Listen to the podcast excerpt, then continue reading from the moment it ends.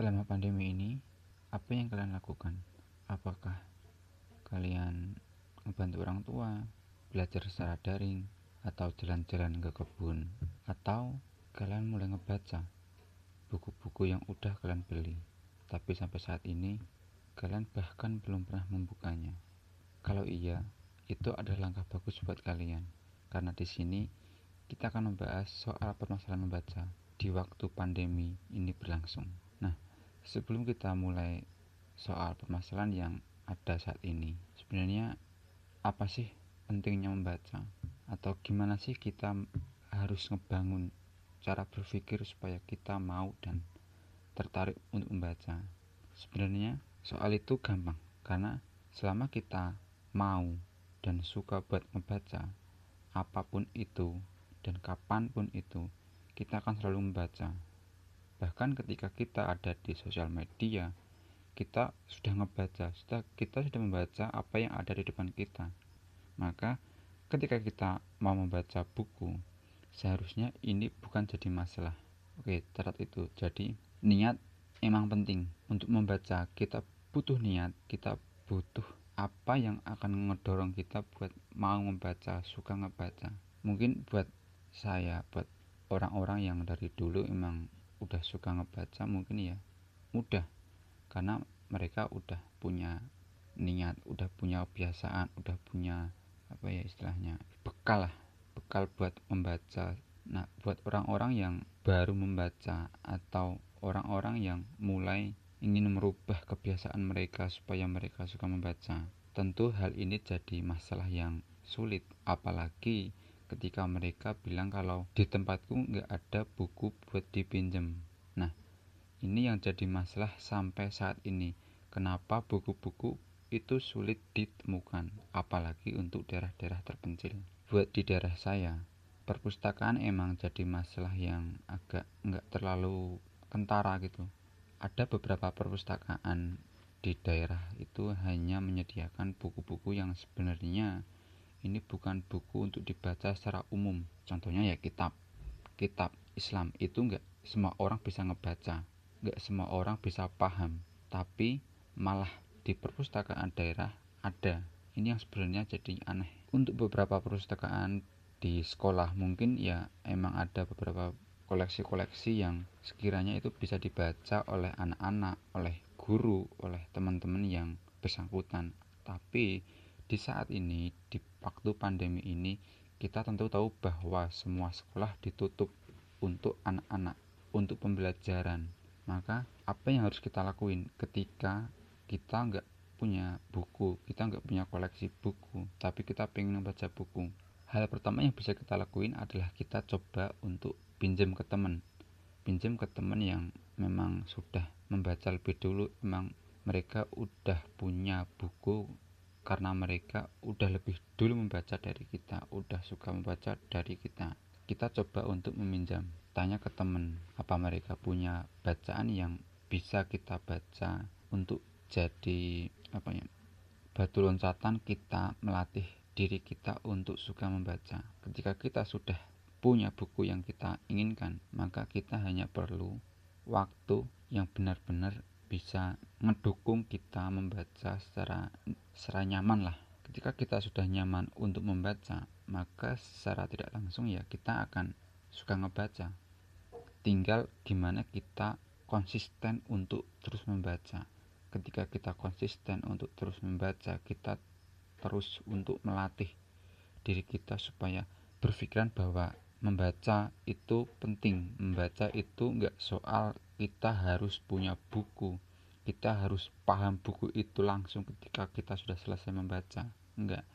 Membaca itu hanya soal ya kita baca bukunya entah kita paham atau enggak ya itu urusan belakangan. Yang penting kita baca udah. Untuk paham atau enggaknya ya itu bisa diurus belakangan. Kita bisa coba tanya ke temen yang udah lebih dulu membaca atau kita tanyakan ke orang-orang yang memang tahu konteks dari buku itu. Contohnya, saya pakai langsung ya. Beberapa waktu lalu saya juga coba buat membaca salah satu buku dari Mbak Feby Indriani, Indirani, maaf. Bukunya sebenarnya cerpen ya ini kumpulan cerpen ada hampir 20 cerpen yang ada di buku ini dan buku ini ngebahas Islam tentu kita tahu bahwa di negara kita Islam adalah agama dominan mayoritas orang-orang kita beragama Islam dan buku ini membahas Islam secara metafora dan satir beberapa hal-hal yang sebenarnya jarang dibahas isu-isu yang jarang diangkat di negara kita karena ya Islam itu gampang panas, gampang jadi masalah. Dan di buku ini penulis membahas beberapa isu mengenai Islam. Contohnya babi ingin masuk Islam itu jadi pembuka dari buku ini. Cerpen pertama yang akan kita baca, yang pasti kita baca di pertama ini adalah babi ingin masuk Islam. Nah, dari judulnya aja kan kita juga udah tahu bahwa ini benar-benar metafora yang kalau kita pahami ini satir untuk kita karena ya kita tahu babi itu haram hukumnya di agama Islam. Ketika kita makan ketika kita sentuh ya najis. Tapi apakah mereka makhluk yang haram? Itu kan yang nggak sering kita pahami gitu loh. Kita cuma tahu bahwa babi itu haram dimakan dan najis. Tapi bukan berarti babi itu makhluk yang haram. Itu salah satu contoh dari tulisan Mbak Feby di novel. Oh iya saya lupa judul novelnya itu bukan Perawan Maria diterbitkan tahun ini oleh Bentang Pustaka. Sebenarnya kita nggak akan bahas buku ini ya karena menurut saya untuk memahami sebuah buku itu lebih baik kita membaca secara langsung. Sebagai orang yang mungkin saya hanya akan sedikit memberikan gambaran mengenai buku ini apa yang dibahas dalam buku ini. Dari 20 cerpen ini ya saya cuma paham beberapa. Mungkin dua atau tiga cerpen saya bisa paham. Dan itu pun konteksnya hanya soal nafsu. Selain itu mungkin saya belum sampai. Karena ya ilmu yang terbatas dan jam terbang membaca juga yang terbatas. Dan saya jujur memang baru pertama kali ini ngebaca cerpen yang membahas isu agama Islam. Sebelumnya bacaan saya ya memang hanya novel-novel roman atau kumpulan puisi yang lebih ke arah cinta, enggak soal kontradiksi ironi dari agama Islam. Nah, itu salah satu buku yang beberapa waktu ini saya baca. Kita kembali ke kebiasaan membaca yang harus kita mulai buat dan jadikan sebagai satu dari kebiasaan yang harus kita pertahankan. Bisa disimpulkan bahwa ya membaca itu sebenarnya gampang selama kita mau dan mampu untuk menyediakan waktu membaca ya kita pasti bisa. Soal suka atau enggak, paham atau enggak, itu berjalan sesuai proses yang kita nikmati saat ini. Bahkan saya bisa bilang bahwa kita enggak mungkin bisa paham langsung ketika kita selesai membaca. Beberapa buku memang memerlukan waktu untuk dipahami. Bahkan saya pernah membaca dan sampai saat ini saya enggak pernah paham gitu loh.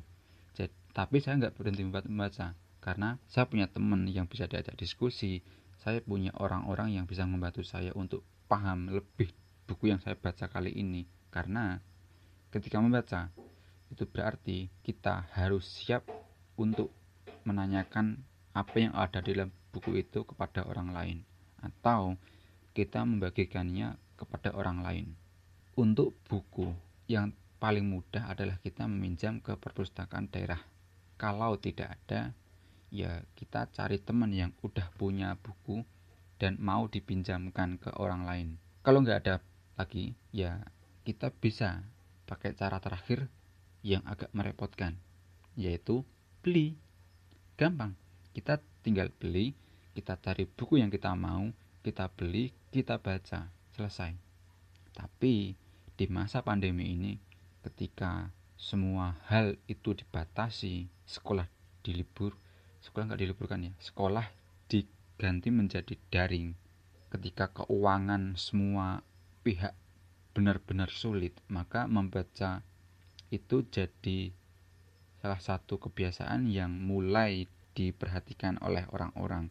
Tapi ternyata di masa ini kita juga punya masalah ketika kita akan membeli buku keuangan yang terbatas tapi kita pengen baca buku sebenarnya ini juga PR buat pemerintah ketika mereka seharusnya mulai memperhatikan bahwa ketika orang-orang mulai ingin membaca buku pemerintah juga harus memperhatikan bahwa mereka harus membuat perpustakaan yang bisa menyediakan buku-buku yang sesuai dengan masyarakat dengan tipe-tipe masyarakat. Dan dari yang saya lihat di kurikulum terbaru kita Kurtilas ada sesi mengenai literasi. Itu itu sesi yang mengharuskan kita membaca di setiap jadwal literasi maka seharusnya ketika pemerintah mulai menggaungkan literasi kepada peserta didik siswa dari SD sampai anak kuliah, maka seharusnya pemerintah juga siap untuk membangun perpustakaan yang layak dan mampu menyediakan kebutuhan bagi masyarakatnya. Dan untuk teman-teman yang suka membaca, mulai membaca, jangan patah semangat, tetap semangat. Kalau punya masalah soal buku yang susah didapat, ya kalian pinjam atau bisa coba searching di laman pemerintah. Karena menurut saya kalau saat ini ketika kita mau baca buku secara fisik nggak bisa kita coba untuk membaca buku secara digital. Karena perpustakaan nasional kita pun ada dan itu gratis. Maka nggak ada alasan buat kita bilang saya nggak punya buku saya nggak bisa beli buku. Teman saya nggak punya buku teman saya nggak mau dipinjemi buku. Nggak ada alasan seperti itu. Kebanyakan ya dari kita males. Karena membaca buku itu rata-rata membosankan. Maka pesan saya untuk teman-teman yang mau membaca adalah cari momen yang tepat. Cari apa pun itu yang bisa mendukung kalian membaca dengan nyaman. Entah makan, atau minum, atau tempat, atau sama teman, atau pengen menyendiri. Cari itu dan bentuk pada diri kita dari cara berpikir kita. Maka nanti kita akan terbiasa membaca. Dan salah satu manfaat dari membaca adalah kita bisa memutuskan banyak hal di sekeliling kita secara lebih menyeluruh dan lebih baik. Karena ketika kita terbiasa membaca, ketika kita melihat sebuah informasi, maka kita akan membacanya terlebih dahulu, baru memutuskannya dan baru membagikannya. Enggak memba membagikannya, baru membaca dan baru tahu.